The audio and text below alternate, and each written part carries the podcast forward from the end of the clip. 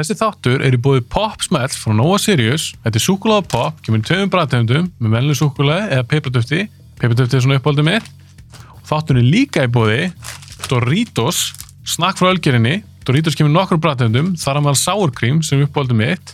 Ég vil þakka þessar fyrirtækjum kærlega fyrir stuðningin og ég vil líka þakka ykkur fyrir að hlusta að horfa á bíoblæður. Endilega fylgjið bíoblæður öllum þessum miðlum, YouTube, Spotify, Instagram, Facebook og ekki gleyma, næstu þetta að horfa á góða mynd kaupa Pop Smell og Doritos.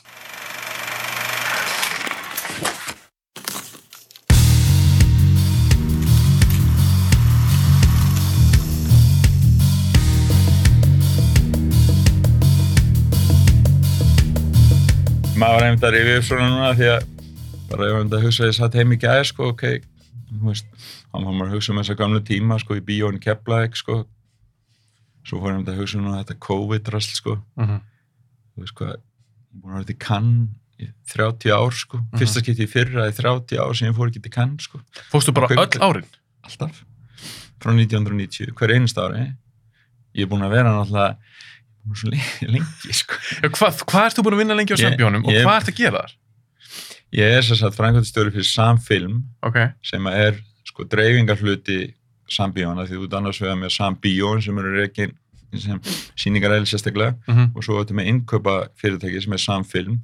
Þannig að ég sé um svona all ellendu samskiptin, mynda innkaupin og, og samskipti við stúdíón og, og, og allt þetta. Og þú veist markasetning myndana er undir mínu væng og allt þetta. -hmm. og þú veist þannig ég er búin að vera frá kvikmyndaháttíð bara frá því ég byrjaði sko. Já ég byrjaði í sambíónum já hérna einmitt já hérna starfsamalegi núna fyrsta mæ Mm. 91 það er 30 ár sko síðan ég byrjaði á skrifstofunni þar sko. 30 ár? Yes. Ég, og þar áður var ég tók ég eitt og hálft ár og, rak regnbúan bara því ég útskrifast úr háskólan áður en átni ég ekki til þess að koma aftur yfir en ég er náttúrulega ólst alltaf upp með átna á þeim í Keflæk sko, pappi og síningamæður Hjá honum? hjá átna í Nýjabu Keflæk sko, pappi og síningamæður all, alla sína ævi sko Nei, þetta er þannig já, En þetta er svolítið í fjölskyldunni? byrjaði- já, já, ég er bara ólst upp og fremst að byggja bíó sko og við strákanir Björn og Alfred sem eru sinir átna sko og Ah. sjáum að reyka bíóin sko Ah. við ólustum upp bara saman bara sem gutta sko, við erum allir á svipum aldri sko Ah. þannig hérna þetta, þú veist, þannig að maður fyrir að hugsa aftur bara já, og hérna og hérna, var svolítið fyndið einmitt í gæra vegna þess að þetta fór að rifjast aðeins upp í gæra því Alfred var að setja inn á Facebook eitthvað svona smá pistil um pappa og átna sam, mynda þeim og var að rifja upp eitthvað kepla eitthvað svona, þá fór maður einmitt að já, maður, það voru stórkostlega tíma, sko. Breytti tímar í dag Já, vá. Þú hefur veintal aldrei lent í eins öðru eins og COVID á þínu ferli Nei, þetta er náttúrulega, enginn getur látið sér dett í huga svona nokkuð tíma myndi gerast, sko. Og hérna, þú veist að, þú veist, eins og, eins og fyrra þetta kemur upp og allt í hennu, þú veist, fyrir að, eh, þú veist, þetta fyrir á fullt og, og, og, og það kemur bara orður um það, það er bara að loka, sko. mm -hmm. En reynda var okkur ekki skipað þá, þannig að í massi fyrra að loka, það var bara sagt, því með verið með 20 massi bíó, sko. Og við bara, e, þú veist, 20 massi, það gengur aldrei, sko, þú veist. Þannig að við lokuðum bara þarna í fyrra og hérna já, var eitthvað 23. mars eða Mhm. 4. mars eitthvað og, og, já, og opnum aftur 5. mæði, þá byrjuðum við bara í álfabakkanum þú veist, þó að væri þá um, ennþá 20 held ég minni mig mm -hmm. en svo, þú veist, þannig að við vildum nú halda ykkur svona stað sem er gangið en, en ég man alltaf eftir í þegar þetta gerist að við vorum alltaf bara, já, já, ok, þetta þetta voru fínt í sumar, sko þú veist, þetta, já, þetta tekur og þegar að þetta fór náttúrulega alltaf stað á stúdíóum fór að fresta myndunum. Þá hérna þegar frestuðu bond sem átti að vera á páskonum í fyrra og maður var bara, nei, er þetta grínast þú veist, búin að hlaka svo til að sjá bond. Og þeir frestuðu henni frem í nóvumber og maður var bara, eru þeir klikkaðir? Hvað er að þeim, okkur, þú veist okkur frestar ekki bara inn í júli eða eitthvað, þú veist, hvað er að þeim? Maður bara skildi ekki hvað Universal væri að pæla sko. Já. og hérna Og svo frestu líka Fast and Furious nýja um heilt ár Já, heilt ár og, og myndirna fóru að, fórst, hver og annar fóru að frestast og ég meina allar stóru sumamyndirnar okkar sem við áttum að fá í fyrra sumar bara, ha, bara fóru allt bara off schedule bara Mhm. sumarinn á jólin, ég meina tokkun átti að vera sumari í fyrra Mhm. frestaðin á jólin og maður var bara, bara í sjokki við því svo þú veist, þau búið að fresta tokkun sko yfir á þetta sumar og svo fresta henni núna aftur inn í november sko, þú veist, þannig að Já. og saman alltaf gerist þau bond, skilur hún fyrir í november, fyrir páskana þetta ár og núna er hún í oktober sko. Mhm.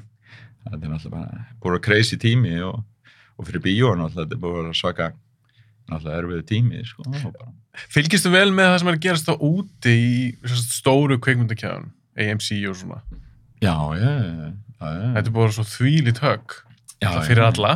fyrir alla ég menn, og við, við náttúrulega þekkjum vel vegna þess að Átni Sam sem er eigandi sambíóana Mhm. og minn, minn yfirmaður hann, hann náttúrulega er í stjórn uh, sem sagt hérna heiti Cineworld Já, sem á Regal bíón í bandaríkjum er annað stæðsta bíófyrirtæki í heimi sem er ekki bíó sem sagt það er bara í stjórninni. Já, hann, er- hann er búin að vera stjórnverði mörg á þannig að maður færi hann alveg svolítið beint í aðeins sko og vandamálan sem þeir eru að glíma við hann út er náttúrulega gigantísk sko og ég meina það kostar þá bara 10 miljón dollar á ári að halda þessu gangandi bara, eða þú veist, Mhm. lokuðu og eru bara að borga. Og, þannig að auðvitað er þetta náttúrulega stórt dæmi fyrir okkur hérna heima líka bíóin öll í sárum eftir síðasta ár og maður sko langar ingen svona að vita hvernig niðurstöðu tölur ásins í fyrra eru sko, þú veist, að það verða skelvilegar en, en auðvitað náttúrulega þetta er bara eitthvað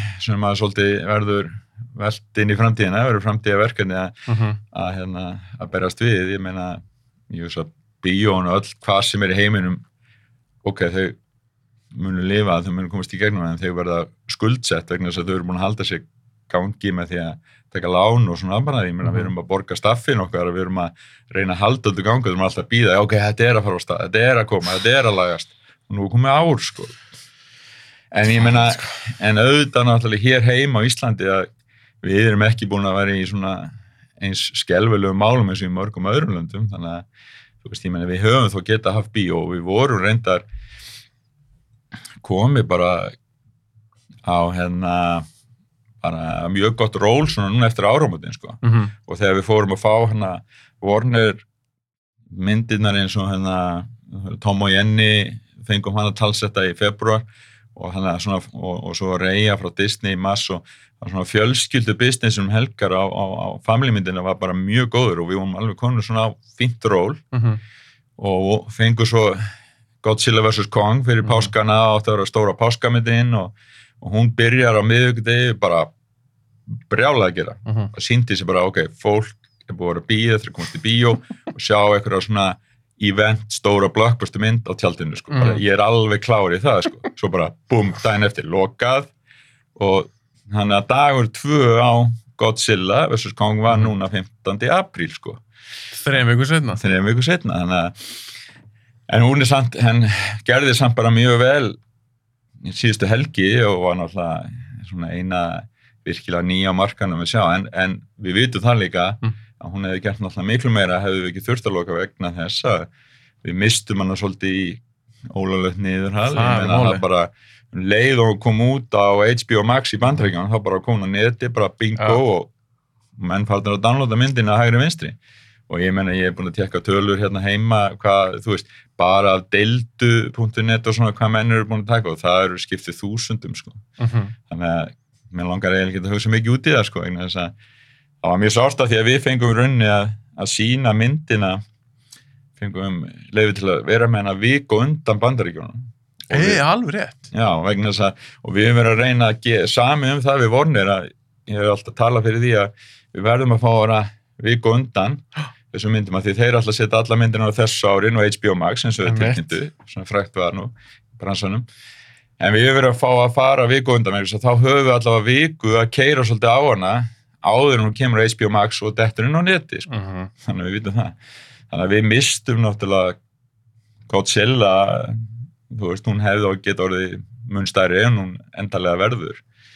Og hérna því að, að hérna menna að við erum náttúrulega bara að taka hana sumir náttúrulega við vitum að þó að vonum með segja bara já, HBO Max er bara í bandaríkjum og maður bara, já, já, einmitt, það er bara í bandaríkjum nei, það er fullt að heimilum á Íslandi með HBO Max, við vitum það og pluss það að þetta dettur bara jólulegt niður hall og, og þú veist þannig að þið eru náttúrulega að tapa miklu peningum, allir að tapa peningum á því En, en þú En- bara persónlega, já, í saman þessu ákvörðun sem vonabráðs tekur, Já. mér finnst mjög áhört að fylgjast með þegar þið tókist ákvörðun, fylgjast með svona viðbrjónum. já. Það virtist vera svo að hafa allt orðið brjála. Bara Já. leikarar, leikstjórar. Þetta var og við, og við, og þetta, bara, þú veist, við fengum bara símdal kvöldið áður, bara strakaði það að koma tilkynning á morgun um þetta og ég bara, ha, ég trú ykkur ekki í alvöru, veist, og alltaf tilkynna bara allt árið.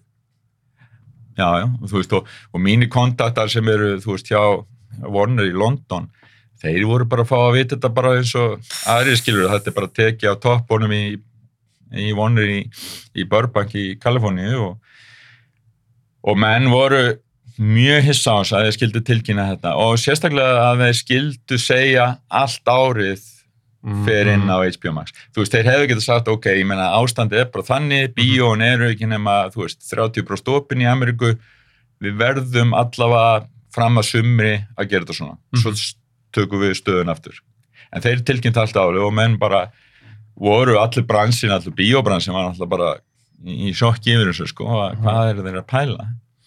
En hérna, en svo hefur það komin allir ljós eins og allavega eins og fyrir okkur að að, hérna, að þetta hefur samt bjarga okkur varðandi það að við vitum að við erum að fá þessa myndir sko. við getum planað að það er að koma af því þeir eru bara búin að ákveða að Einmitt. það skipti ekki máli hvernig staðan var á bíónum í bandaregjónum Mhm.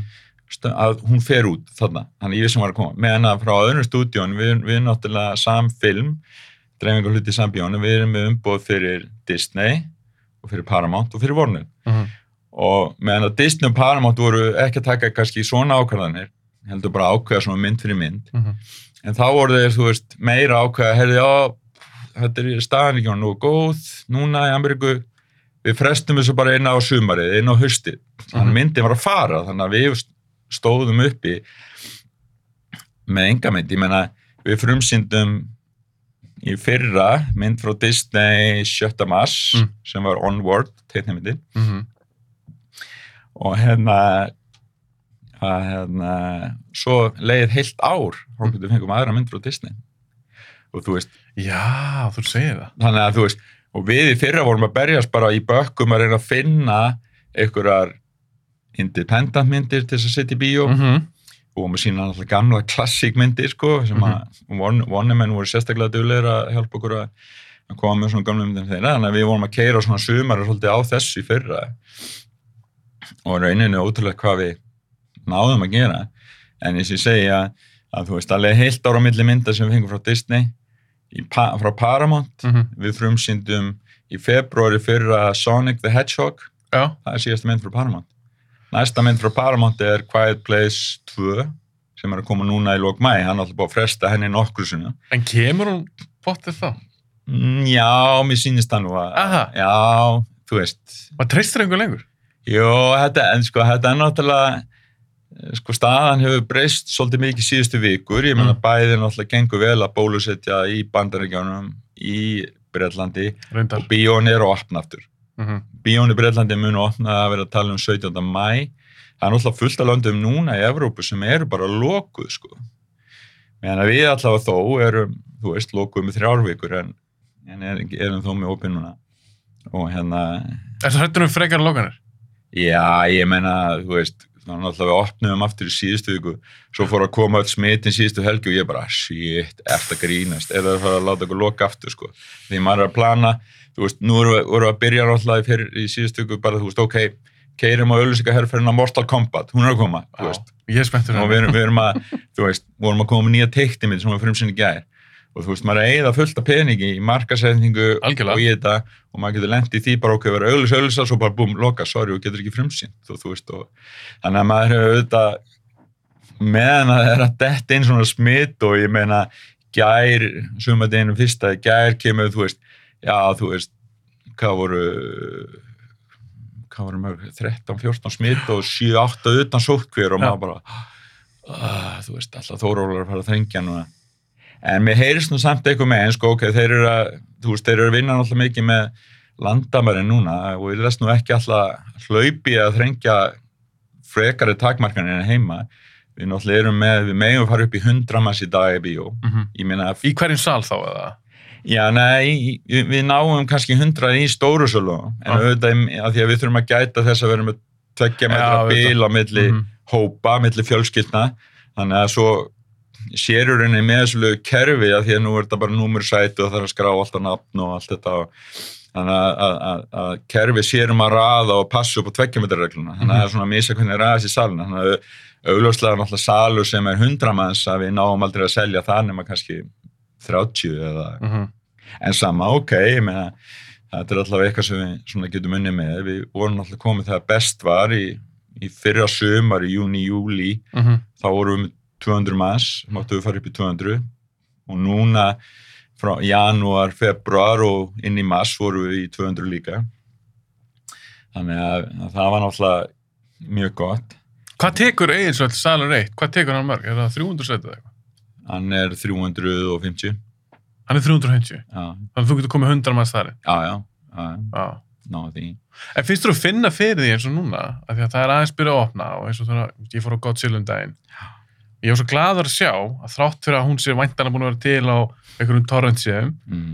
það sem er ágættis mæting, svona Já. meða við. Já. Finnst þú að finna fyrir að fólk er einmitt bara búið að sakna sem er í bíó? Já, já, algjörlega og, og ég, maður fann það mér finnst svona helga, helgarna, helginni, sí- síðasta helgi sem var náttúrulega fyrst helgin eftir við fengum að opna aftur var bara mjög góð Mm.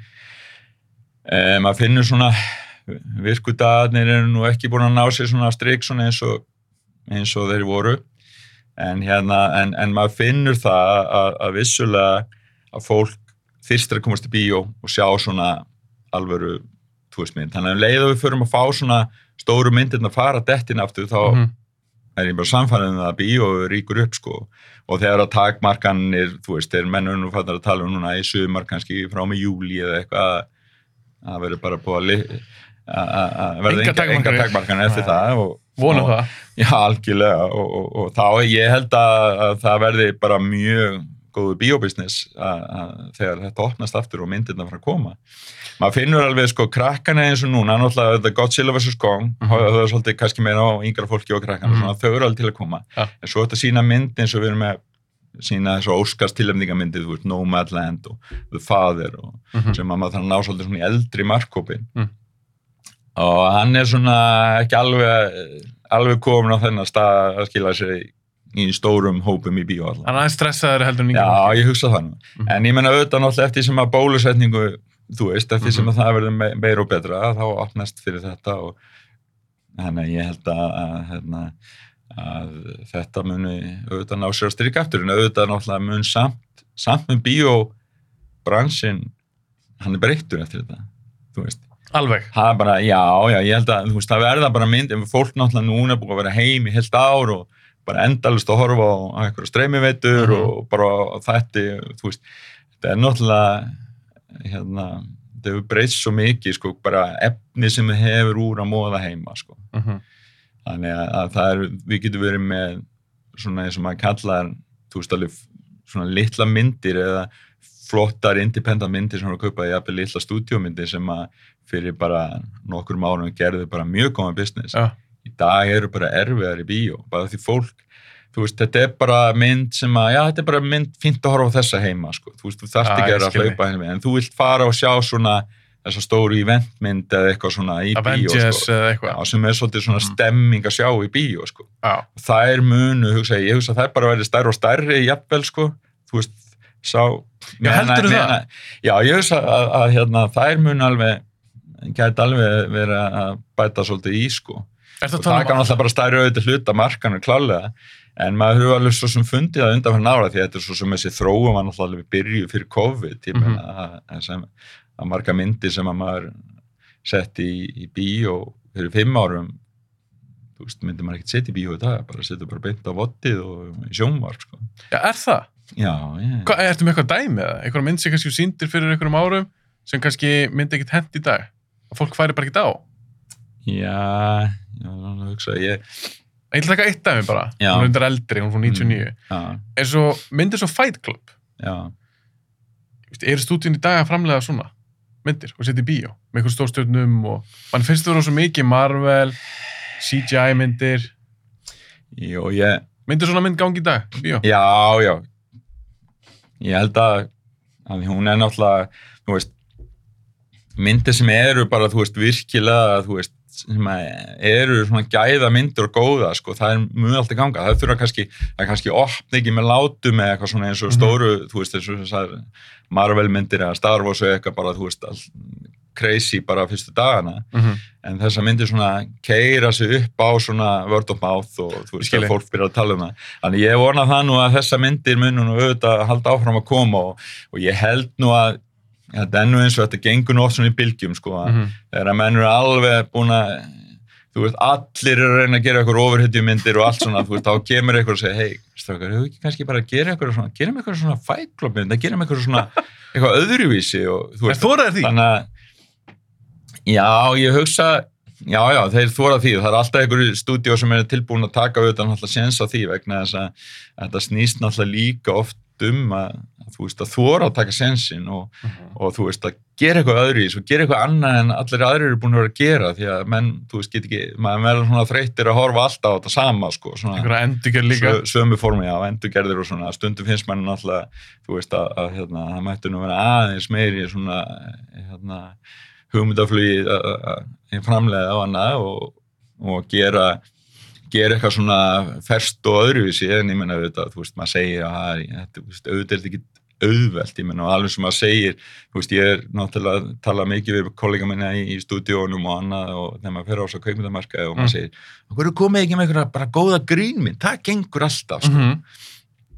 og þeir alveg, já, já, vitum það en veistu hvað er erfitt að skrifa virkilega flott og góða grínmynd, það, þú veist, það er ekkit auðvelt sko. Nei, nei, nei, grín er að erfitt. detta, að detta inn á það en ef það smellur, þá getur það bara orðið hjút sko. Því það eru oftast, ég ætla ekki að segja ódýrar, en tölvöld ódýrar heldur en einhver stórmynd já, með Godzilla eða einhverju já, Avengers-liði.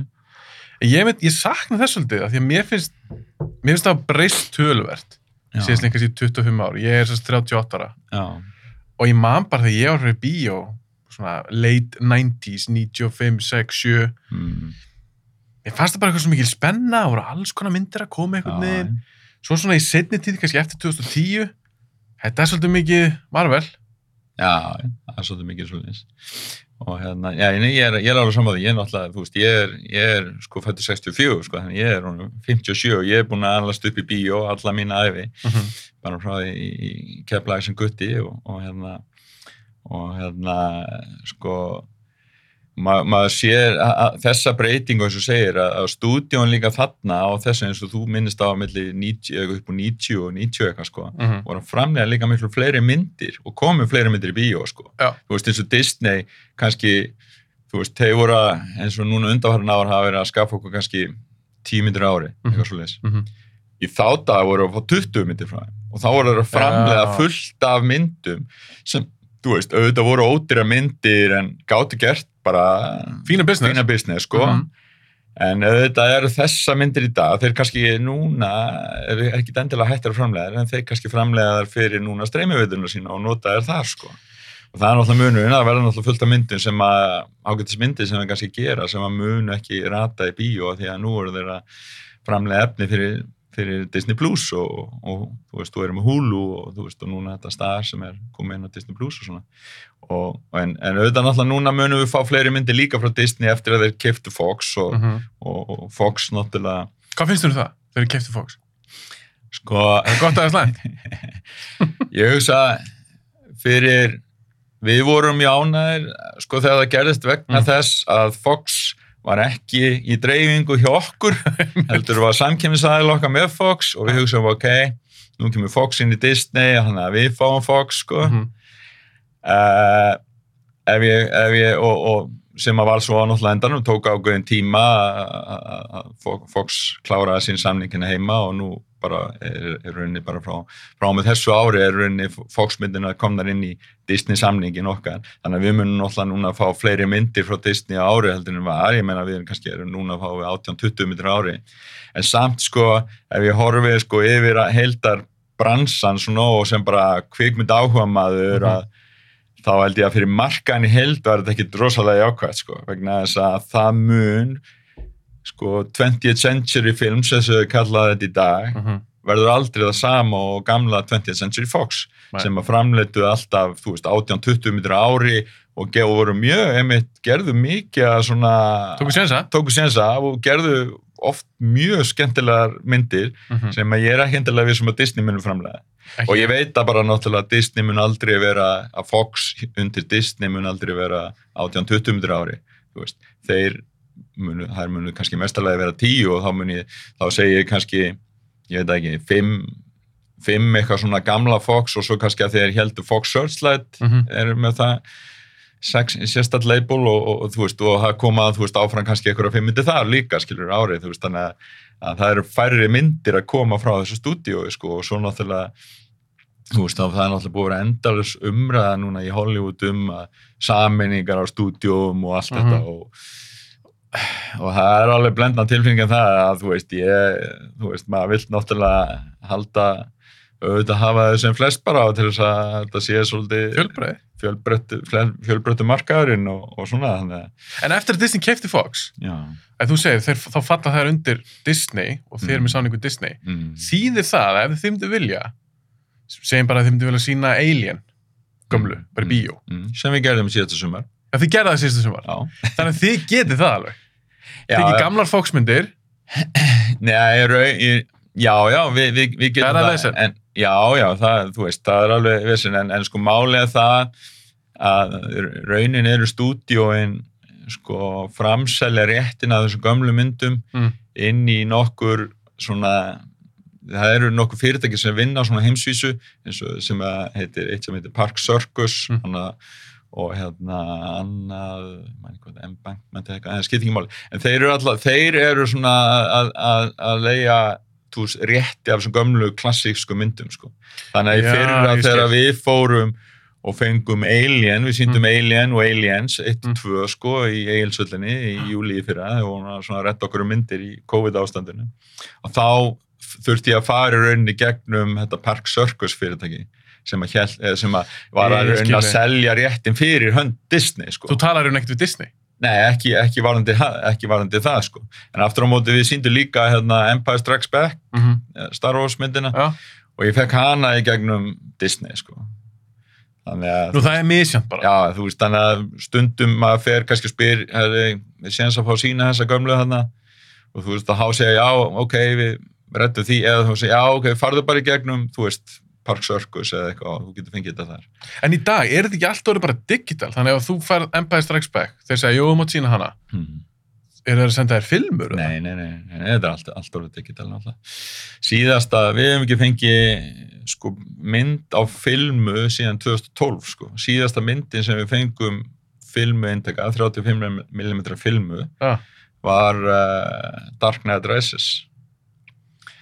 Þannig að, já, þannig að það var síðasta myndi sem við fengum eftir það hefur allt verið digital sem er kallað, þá fær maður bara að senda svona ákveðin eh, tölvu drif bara kallað DCP drif sem að eru bara sett inn í sýningagræðinu hjá okkur og myndin er kerið inn í, inn í græðuna og svo náttúrulega, þú veist þannig að, en, en nú er orðið meira og meira í dag að þeir eru fættir að senda okkur bara myndirnar y- yfir neti bara, þú veist, og við erum fættir að Þið bara downloaduðu? bara, bara, bara fáum bara link frá Disney eða Warner og tökum myndina niður og Hversu stór er sá fæll?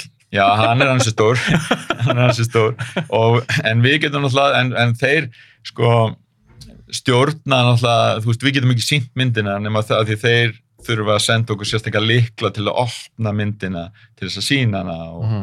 og núna, þú veist alla myndir sem við sínum erum að sína fyrir, í öllum bíóm að við þurfum að sækja um til Disney, til Warner eða Paramount og bara sækjum líkla við ætlum að sína þessa mynd núna næstu fjóra vikur í Álfabakka og þú veist og þeir senda þá bara vikulega líkil sem opnar það sko þannig að þeir geta rosalega kontróla þú veist í gamla dag þegar við vorum að fá myndirnar á hérna þú veist á Filmu. filmu, sko og við vorum ofta að taka pröfusýningar hérna vorum ofta að taka pröfusýningar klukkan eitt á nætunar Já.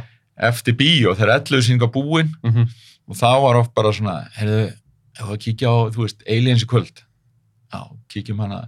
Og þá varstu bara með filmur upp í hillu og þú gafst bara sínt hana og ég, og, og þú veist, ég sjálfur með þess að er, er síningamanna mentaður, hann er ég, ég, ég var, vann, vann alltaf líka sem síningamæður svona þegar ég var í háskólanum Þannig að þú þurftir enga hjálp. þannig að ég gat bara sett myndin í og þrætt og í gang og við gáttum sínt og svona Ha. núna er ekki þetta að taka, þú veist, núna þarf ég bara, já, heyrðu, það væri gaman að kíkja hann á föstudaginn og þessa, já, ég þarf að senda út beðni allavega með þryggjadaga fyrirvara, þú veist. En leðu færð kóðan, Já.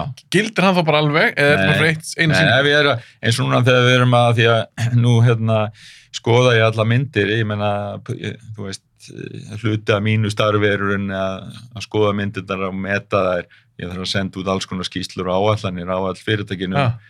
hvað ég haldi að myndin geri aðsónhælega á Íslandi og hvernig við ætlum að markasetja og við þurfum að gera alls konar á, gera og, það. og það er hluti af mínu jobbi sem frangandstjóri fyrir samfilm Ha.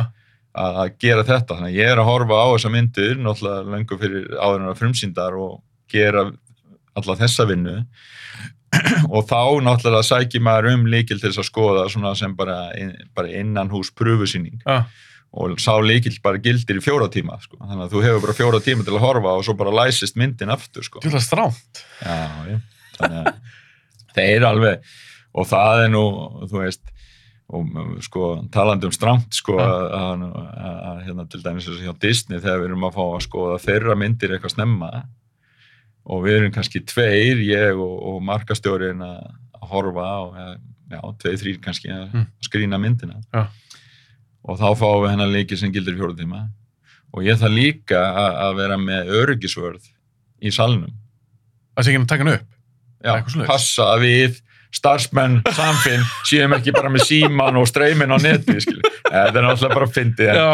en þú veist, þannig að maður er bara en þú veist, málið það að þetta, þetta er bara að setja reglur og, og náttúrulega einhver staðar í Þískalandi ef er eitthvað að pröfa í einhverju bíó í munn hérna eða eitthvað svona sem Mhm. er ekki endilega þeirra bíó þetta er við erum náttúrulega kannski öðruvis að því að við eigum okkar og rekum okkar bíó og Einmitt. bara erum með skrifstofun í bíónu og þannig að við getum náttúrulega að passa þetta mjög vel en, en það er engi sénsla tekni svona í, í löndum og ég hef nú oft talað um þetta við kollega minn hann úti og segja í alvöru þar ég að ráða hérna öryggisvörð borga honum, þú veist, ykkur fullt af pening fyrir að standa yfir okkur og horfa á myndina. Pass ykkur. og hann sagði bara, þú veist Þetta er bara Þú eitthvað svona veist, hann sagði- hann sagði bara, þú veist, ég veit þetta er aðstæðlegt en bara, þú veist, við borgum fyrir þetta bara gerði þetta þú veist, við nefnum ekki að tala um þetta sko. en okkur finnst þetta aðstæðlegt en þetta er bara svona. En eins og með forsynningar, já, að því ég maður þegar ég var yngri, já, já, það voru ákveðna tegundur af forsynningar sem ég var svolítið já,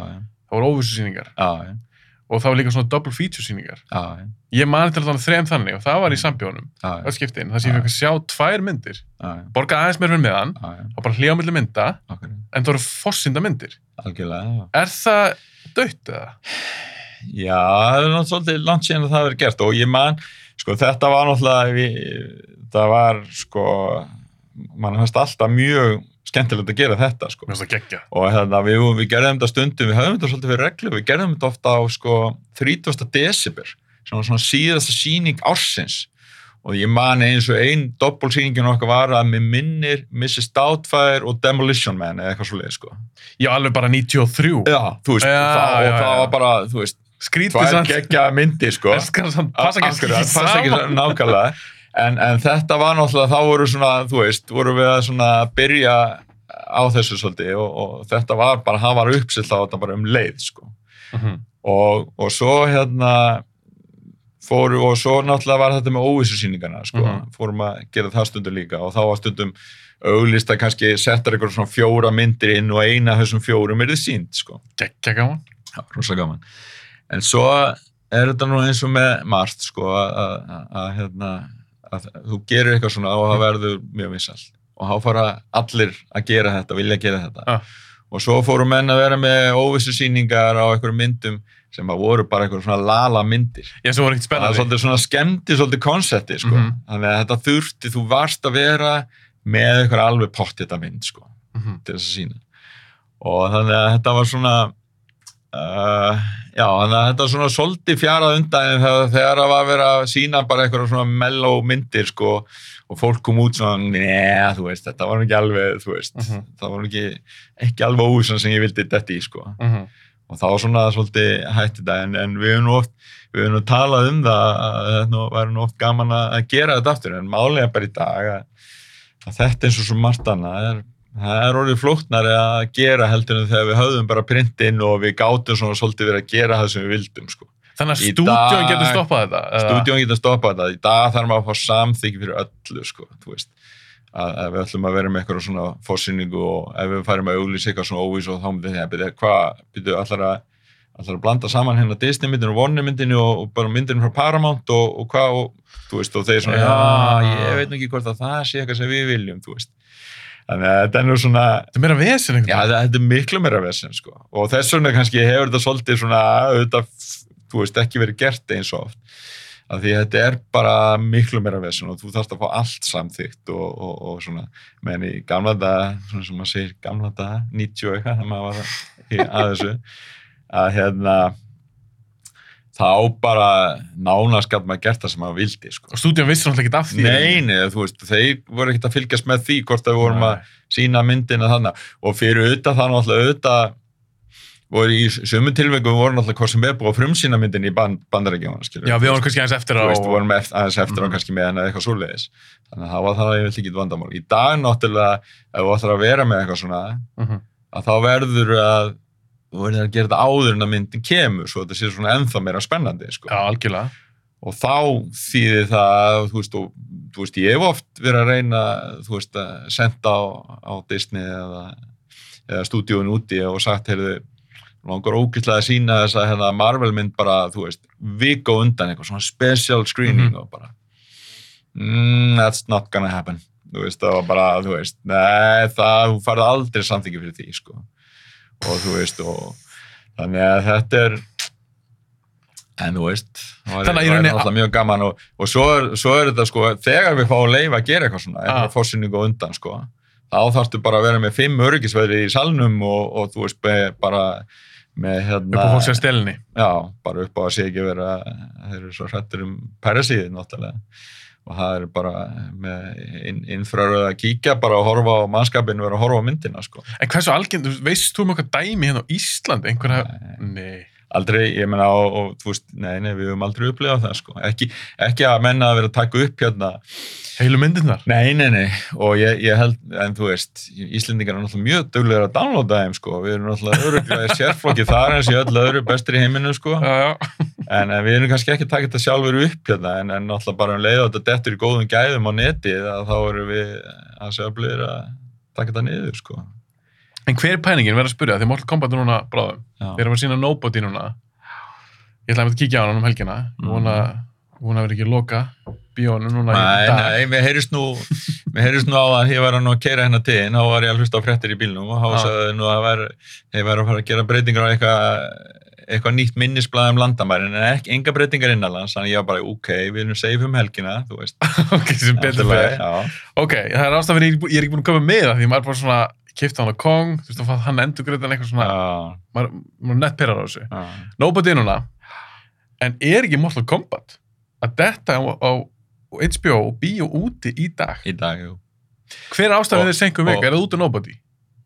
Þú veist, er það að reyna að gera... Nei, sko ástæðan var í rauninni þessi lokun og, Ah. og, og, og, og, hérna og það að við gátum ekki sínt Godzilla vs. Kong sem er frá Warner líka sko, Mhm. að þú veist að við vorum bara síndum í einn dag og gátum svo ekki sínt í þrjár vikur Mhm. þannig að, að yfirleitt ef maður er með kannski stóra mynd frá Warner eins og þarna og svo er þetta að fá aðra mynd frá Warner sem er Mortal Kombat þá reynir nú að þú ert með tvær vikur á milli þeirra þú veist, þannig að, að, að, að Godzilla vs. Kong fá svolítið svona að klára sig Mm. ára næsta mynd kemur Þannig að ef þeir eru ekki loka núna í þrjár vikur, já, hefði ég mögulega getið fara á Mortal Kombat í dag?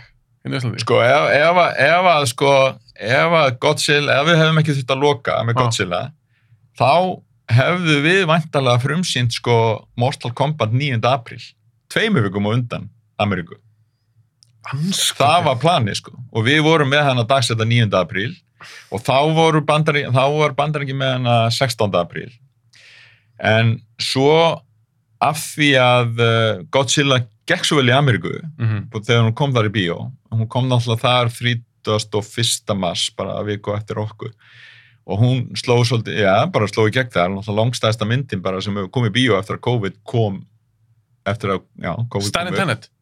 Já, já, Starring Tenet. Já, hún er stað, bara stærsta mynd sem hefur verið sínd í bíó síðan Star Wars kom jólinn 2019. Þannig að vonir ákveða að fresta Mortal Kombat í Ameríku um viku frá Mhm. 16. april til 23. En við hefðum mátt halda okkar degi, sko. Þannig að það var mjög súrt að í þessu og við hefðum getað náttúrulega, við hefðum, sko... Þrem vikum fyrir. Já, já, nei, við hefum getað haft hana tveim vikum fyrir, 9. apríl, sko. Og, og þeir 23. Þannig að við hefum alveg massað inn á hana bara á þess að hafa áhyggjur af því hún sé komin á neti. En núna alltaf veit maður, en, en, en þess vegna ákvað ég að setja hana bara á, sko, í næstu viku, 2008. til þess að ok, þá hef ég, er ég fimm dögum á eftir Ameríku. Leifa Godzilla aðeins að klára sig svona, hún er að fá sína aðra helgi núna, Mhm. núna um helgina. Nobody náttúrulega er frá Universal sem er ekki okkar, ég meina við erum að sína hann í okkar bíó, en hún er myndform með dreifingaraðilinn. Hvernig virkar það? Er það þá leiði frá myndform eða það leiði frá Universal?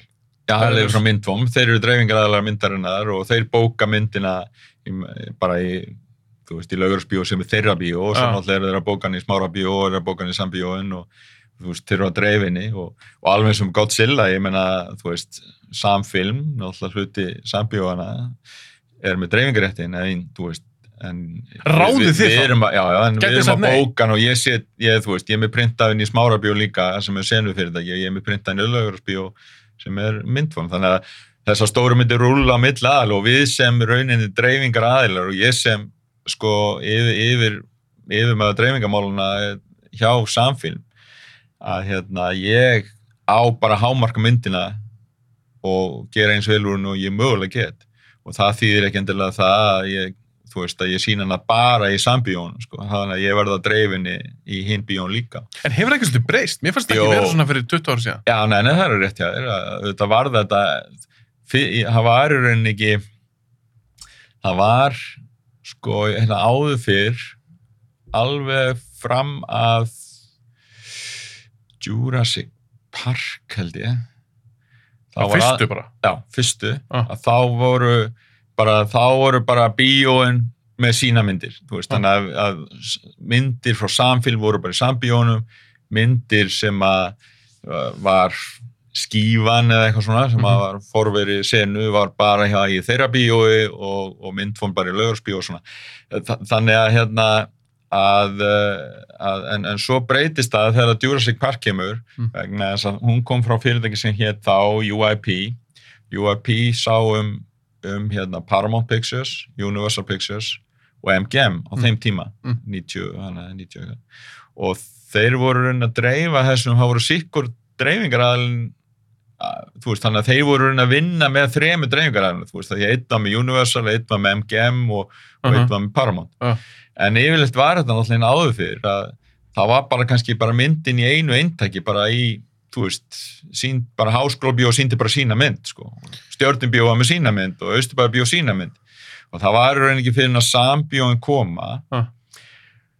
og opnaði náttúrulega álfabakkan 82 og svo kaupir átni austurbæðabíó og Mhm. opnaði sambíóin í Snorrabraut 87 Mhm.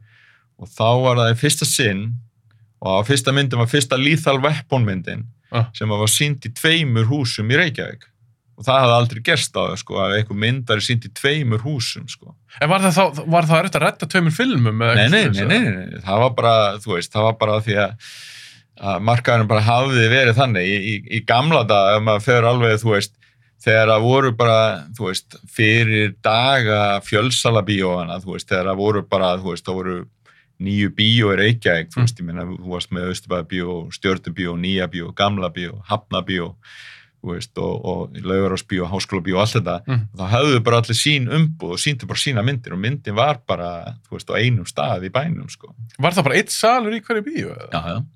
Þú maður þetta ekki? Nei, þetta er, að ég fætt 83, já. að því að pabbi sagði mér, er það ekki rétt að Álfabakka bíó hjá Sambjónum, er það ekki fyrsta svona fjölsala? Nei, raunin ekki. Sko, fyrsta fjölsala bíói Ah. er Regnbóin sem er opnaður um jólinn 77. Já, Það var fyrst, já, og það var í rauninni Jón Ragnarsson sem þá átti og rak Hafnarbíó Mm. sem að byggja Regnbóin.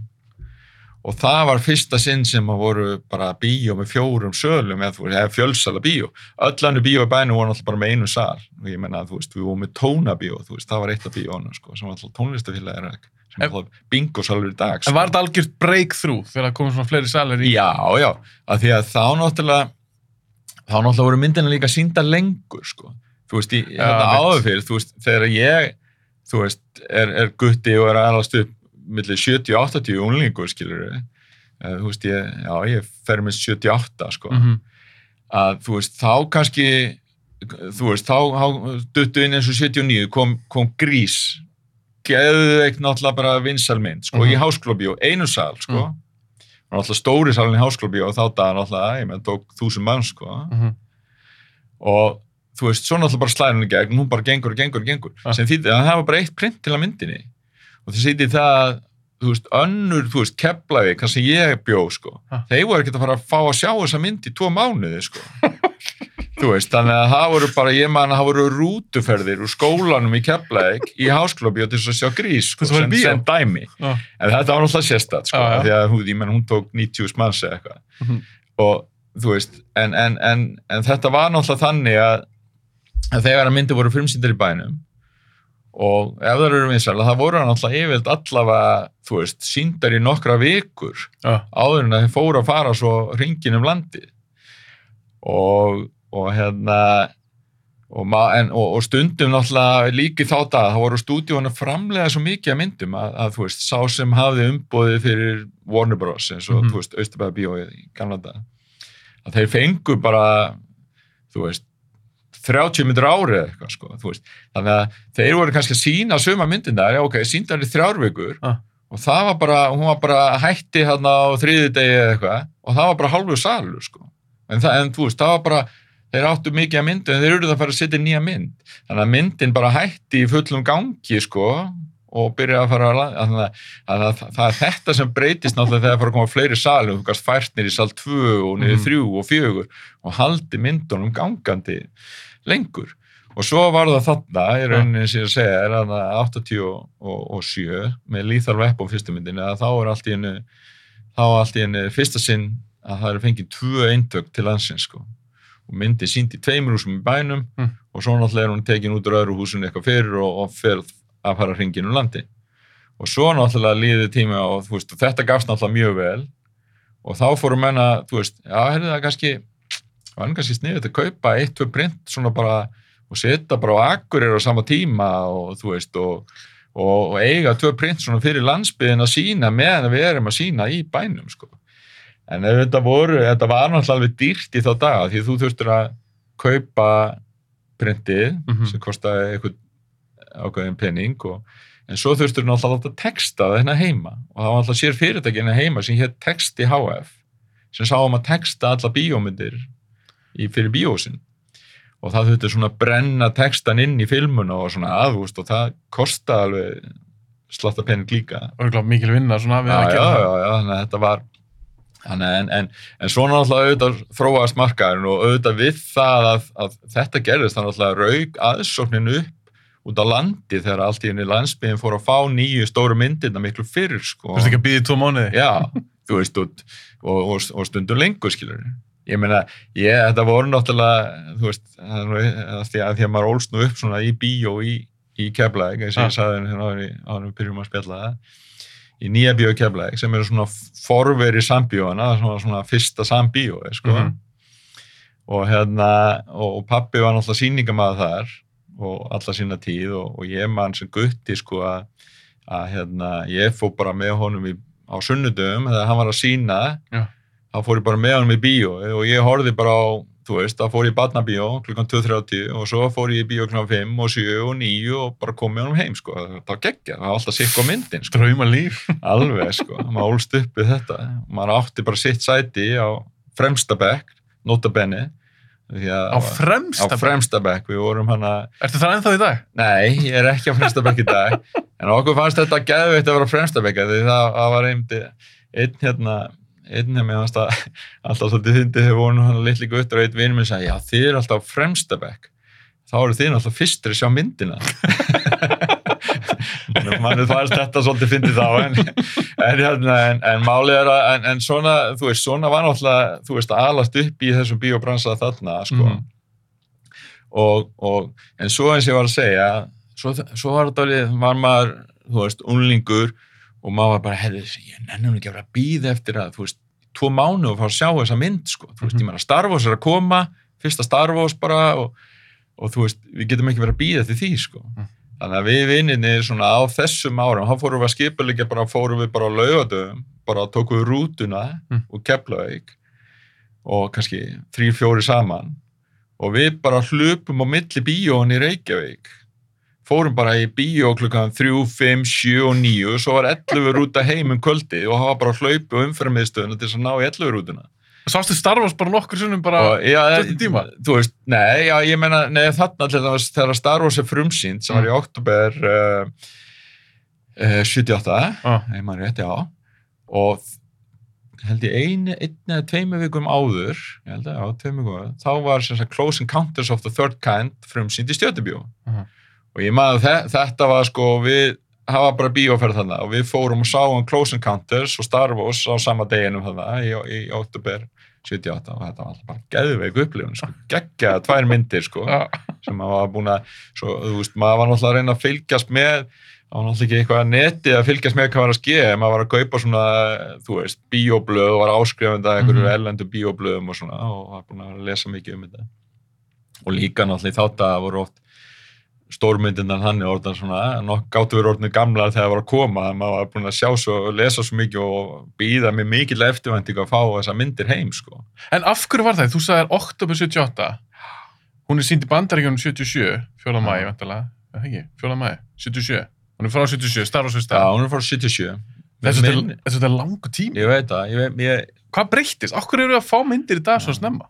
ég held ja, það, það veist, það var náttúrulega hluta því sem að breytist þegar að þú veist, í rauninni var það svolítið breytingi þegar að þegar að Átni Sæm kemur í, inn á markaðin í bænum og byggir alvabakkan, Mm.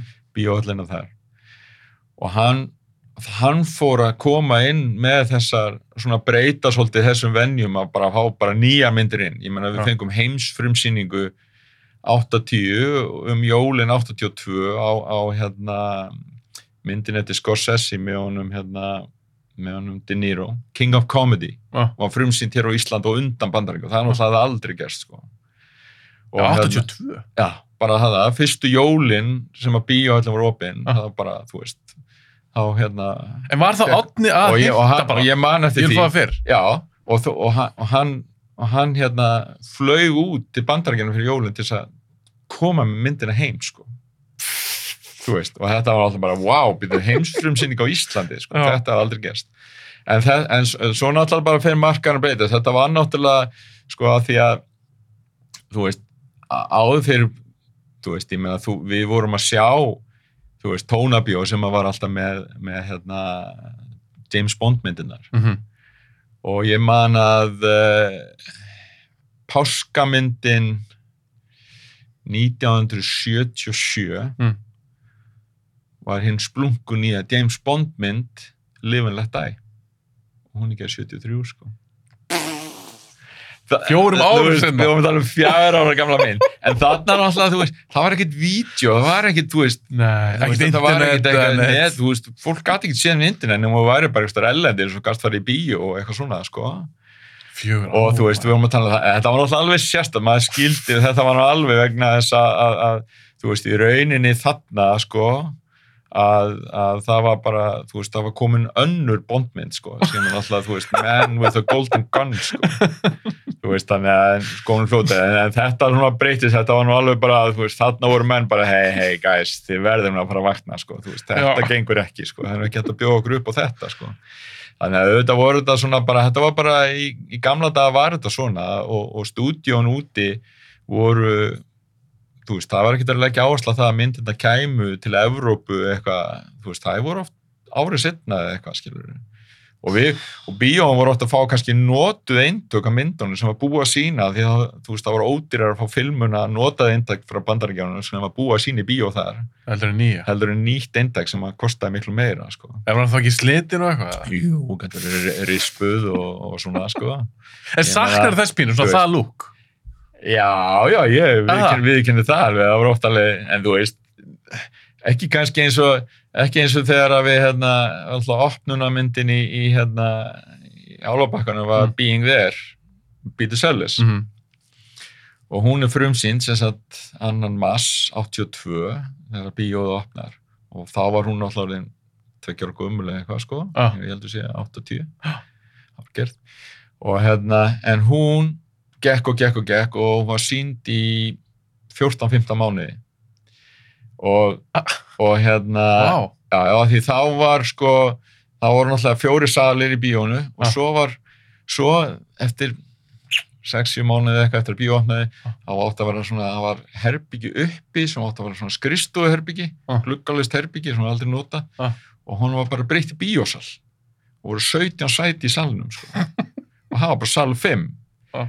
Og Being There var bara færð þannig 5 og það var bara uppselt alltaf 17 manns bara, í, bara hún bara gekk og gekk og gekk alltaf. fleiri mánuði. nema hvað að, hérna, að þegar að hún kemur til okkar Ah. þá var alltaf, hafði verið keift notað sýningareintak af myndinni film, á filmu og við varum búin að sína hana í 14 mánuði og hanga til að sko síðustu sýningunni að þá slittnaði hún 17 sinni með eitthvað sko. Veist, þá var þá bara, var sýningamann alltaf að stoppa og laga og líma hana saman og, og sitja í gang. Og endaði með að sýningamann kom og sagði, heyrðu, þú veist, stráka, þetta gengur ekki, ég get ekki staðið í þessu sko, hún slittnaði 17 sinnum í gær sko, þannig að við erum bara að hætta náttúrulega að sína Og hana hún bara ónýtt film. hann bara ónýtt filman þannig að þetta var nú en svona, eh, þú veist þe- þetta var kannski aðeins svo mikið sko. en hérna en vissulega að, að, hérna, þetta voru svona þetta voru skemmtilegi tíma sko. En þá verður að spyrja, þú er búin svo lengi á sambjónum, búin að upplega alls konar. Hvaða mynd er stærst, svona í þinni minningu, bara ná, vá, þetta er, þetta er rosalegt. Smannst eftir ykkur, var það Jurassic Park eða, eða var það Harry Potter, eða, veist, e, var eitthvað svona sem þú bara ná, vá, þetta er rosalegt. já, já, þetta náttúrulega sko sko þegar að Jurassic Park fyrsta kom Mm og þá var eins og ég var að nefna á þann það var rauninni fyrsta myndi sem að þeir ákvaðu ellendis að setja í þrjú hús í Reykjavík sko. -hmm. og síndi í, í, í Alvabakka, Háskólabíó og því Mhm. að það voru þessi þrjú bíó sem að þeir hjá UIP hefðu verið að skipta við með Universal, Paramount og MGM. Og þeir ákvaða að setja henni þrjú og þetta var náttúrulega, mannum fannst þetta mjög, þetta var mjög merkilegt að þeim tíma, sko, en, Mhm. en það var komið svona ákveðin pressa á þá að gera vegna þess að sambíóin sem voru með umbúð fyrir Disney og Warner Mhm. og MGM á þeim tíma að voru, var í rauninni eina, einu bíóin sem gáttu sínt myndir í fleiri en einu húsi og þær voru að gera betur okkar myndir Mm. heldur en myndir hjá hinu bíóinu sem að voru kannski bara í einu húsi og þeir gátt ekki sínt eins mikið. Já, ég skil þannig að hafa komið svona pressa á hinn stúdíón hefur við verðum að koma sér fleiri hús á Íslandi, ég meina Mhm. það er að þú veist, þe- þessar myndirna frá Warner og Disney er að gera það vel og þannig að þeir ákvað að gera þetta. Og Jurassic Park var svolítið svona breakthrough mynd á sín tíma og maður bara, það er stórkostlegt sko, aldrei sé svona teknibrellur og svona sko og, og hérna, þetta er bara svo sem eins og þegar Star Wars kom og allt þetta Mhm. en, en ég menna hún gerði á sín tíma 78.000 mann sko í bíó á Íslandi sem var náttúrulega svakalega mikið sko Manstu það bara? já, Shit. já, ég, ég, ég náttúrulega er algjör nörd í tölum og svona og ég man, þú veist og Ég heyri það. já, já, já, og ég man yfir, yfir hvað þessar myndir hafa gert og annað og frumsýningadaga og svona var ég, er ég oft, er ég oft með svona var með á hreinu, allavega svolítið svona áður fyrir áður en að neti kom og núna getur maður flett þessu upp en maður, ég mundi þetta alltaf sko 78 árs manns fyrir Jurassic Park. Já, og, og svo 93. kom, svo kom, já, já, og ég menna svo, svo til dæmis eins og fyrsta Harry Potter myndin gerði líka yfir 70 manns.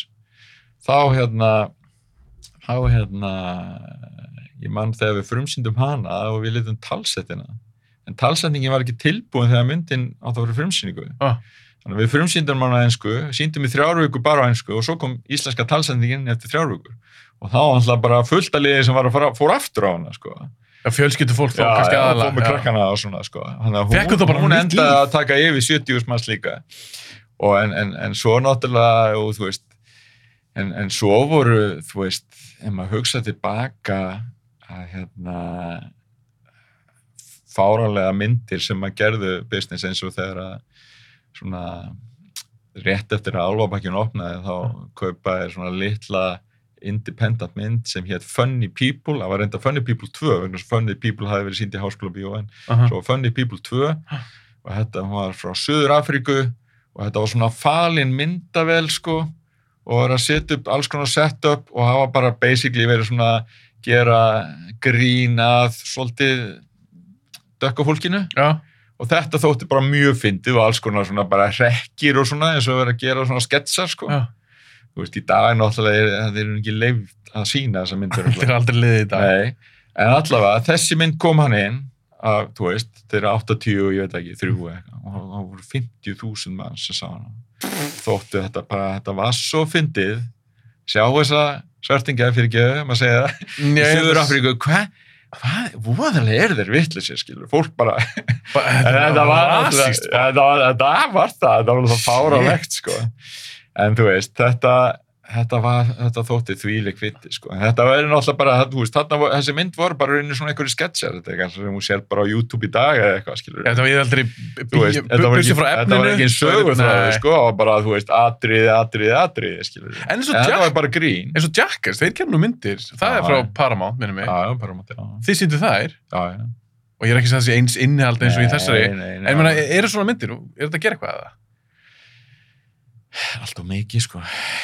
Er það? Kemur það róast bara hvað er að Já, vinsta ég meina, sko, já, já, ég meina, ég er alveg eins og djakka, sko, hvað þetta, hvað þar gengur, sko, ég, þú veist, og við erum að fara að fá djakkas fjögur, sko, Já, já, frá. Paramount núna, bara, þeir reynda voru að frestinni yfir á næsta ár, sko, en þú veist, en þetta eru alltaf myndir sem þið framlega fyrir enga pening, þetta kostar ekki neitt, sko, Raskat. og þeir bara, tjing, tjing, þetta er bara peningur í kassan fyrir það alveg endalaust og maður er stundum svona, þú veist, þegar maður er að fá að því að, þú veist, að því ég þú veist, ég þarf að skoða allar þessar myndir sem við fáum og sumar fær maður og maður er bara guðminn Verð ég að horfa á þetta? þú veist, í alvöru og ég hef stundum hringt úti í kollega minn hann úti og, og sagt, hefði, ég var að skoða hana myndina frá þér og þú veist, og þetta eru bara tveir tímar af lífum minni sem ég fæ ekki aftur, sko, þú veist, hvað eru þið að pæla?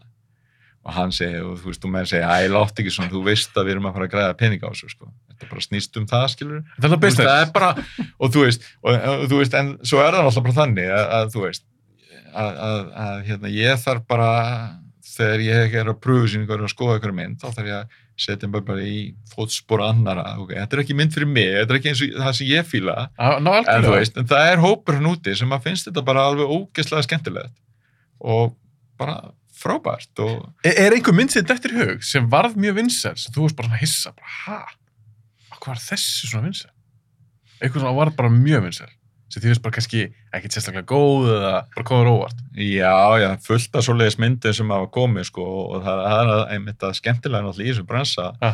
eins og það er nú eins og ykkur þú veist, pródúsinu sagði held ég minnum ári að það, er veit engin neitt í þessum bransa sko, þú veist, hvað gengur og hvað ekki, þú heldur og vitur eitthvað en þú veist, svo veist það ekki en þú veist, auðvitað getur maður estimata þú veist, út nokkuð viss með Marvel myndin að gera Já, ég ákveðin veit. business svona, en svo færðu ykkur mynd ég man að ég, ég hérna til dæmis sko svona nýlega dæmi, ég, þú veist, eða fullt af dæmi með myndir hafa slegið í gegn komið óvart og svona eitthvað sem maður aldrei búist við.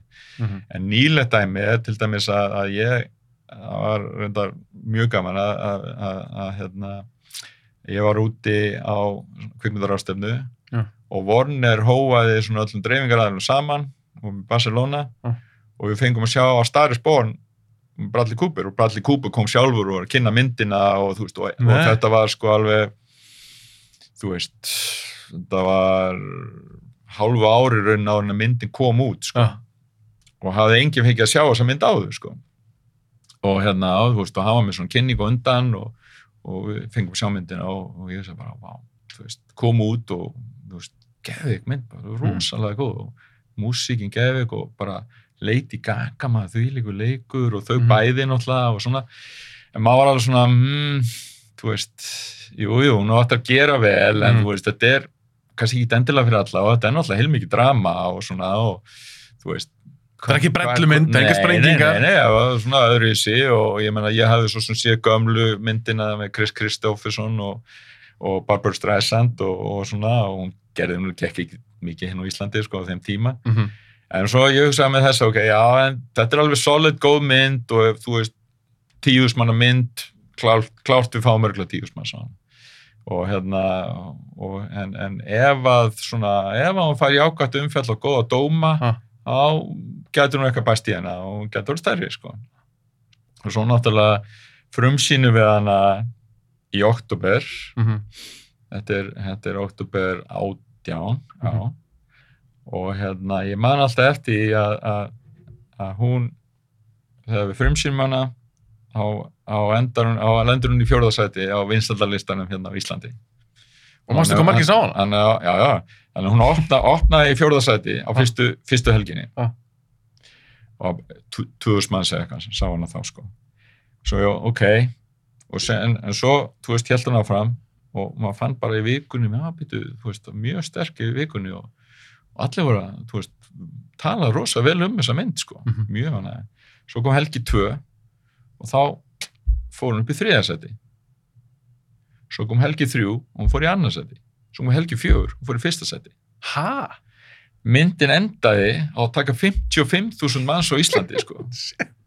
og þú veist og talandi um að Ísland bestur í heimi sko. Mhm. og ég myndi sagði það við vonir og ég var nú, nú alltaf með minn vikulega hálfmánaðarlega símafundu hana Mhm. og ég sagði bara að þú veist sko Bradley Cooper á hann bara að koma hinga til Íslands og veit okkur velun sko. þú veist, við erum að tala um að 15% þjóðarinnar eru búin að sjá þessa mynd sko Fannst þetta merkilegt? Já, já, og þeir voru alveg hérna, og ég man að kollegi minn þar úti segi, já, þetta, þetta er alltaf frá, frábær árangur og, og hérna og svo hann segi, já, hún er hún er enda búin að ganga rosa vel í Svíþjó líka sagði hann, sko, Mm. svo ég segi ég var búin að skoða, ég vissi hvað hann var búin að gera í Svíþjó, og ég segi, já, hún er búin að gera mjög vel þar, Ah. en ef þú bara reiknar höfðatölun á Íslandi og Svíþjó, þá ætti hún að gera í Svíþjó helmingi meira en hún er búin að gera Mm. þannig að sama hvernig við horfum á það þá erum við á Íslandi bestir í heimi á þessa mynd Við unnu það, við unnu Já. svíjana í þessu. já, og okkur finnst það ekkert leiðilegt að vinna svíja En eins og með þá mynd, hún hefur ekki kostað það mikið. Nei, nei, og hún enda náttúrulega fyrir Warner þess að, þú veist, þú enda að taka yfir 400 miljónir worldwide, sko. Það er heldur gott fyrir og það var náttúrulega bara alveg frábær árangur en svo náttúrulega, eins og ég segi þegar, þegar að, að, að þessi mynd var búin að vera fjóra aukur í bíó og var náttúrulega komin á toppin á hérna á fjórðu viku Ja. og þá kom fymta vikan og þá datt hún í annarsæti og hvaða mynd var að vera frumsýna þá á fymtu vikunni á Starisborn það var Bohemian Rhapsody og hún kom inn og fór náttúrulega í fyrsta sæti Önnur svona tónlistamynd. önnur tónlistamynd og önnur tónlistamynd sem að gjössanlega sló í gegn á Íslandi líka og gerði líka 55 mann sko. Vá, já, að það. Þannig að þær voru bara alveg jafnar Mm. í aðsótt sko.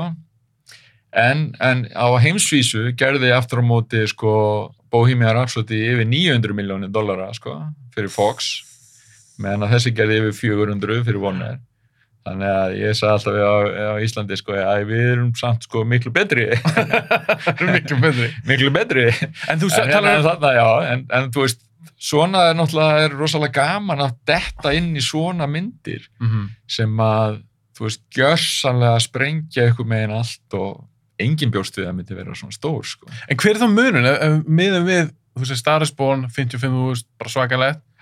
Hvað er Avengers Infinity War að gera? Eða eitthvað Marvel mynd? Eða, hva, hvað er munun? Já, það, þú veist, þær eru alveg þær eru alveg í þessum tölum og, og er að fara yfir þetta, ég held að hérna, Endgame og Infinity War og þessa myndi voru að fara yfir 60 sko, 60-65 sko þannig að hérna, já, já, þú veist, það er risastóra, sko. Það er alltaf frekar solid. Já, já, já, já, já, en þú veist, ég meina, það er alltaf, mal, þú getur verið solid, sko, Marvel, Marvel, hérna, er alltaf, þú veist, 20.000 plus, sko. Já, þú bara Svo- veist það. Já, já, þú veist, og, og hérna, þú veist, kannski Ant-Man sem er kannski svona verið, mm, mm, svona minnst af þeim, sko. Já, er það. Svona þá, það verður svona 20, rúmlega 20, Uh -huh. og, og, en, en þú veist, mjög mikið af þeim svona 25 til 30 þú veist, af þessu en svo eru Avengers af þessum Marvel-myndum eru svona einhver meginn í sérflokki sko. Já, það eru eins, stærstar. eins og heimsvísu bara Mhm. Með hérna, Endgame og þessa myndi sko. Varstu að hissa hvað Endgame var að vinsa? Hún, hún á þeim tíma, þryggja tíma mynd sko. þá, hún tók af Avatar, fyrst seti. já, já, já. En Avatar Já, komið aftur. já, ég, já, já, það var, var endursyngt í Kína og bara 50 miljón dólar í kassan. En, en hérna, Þú veist, varstu að hissa?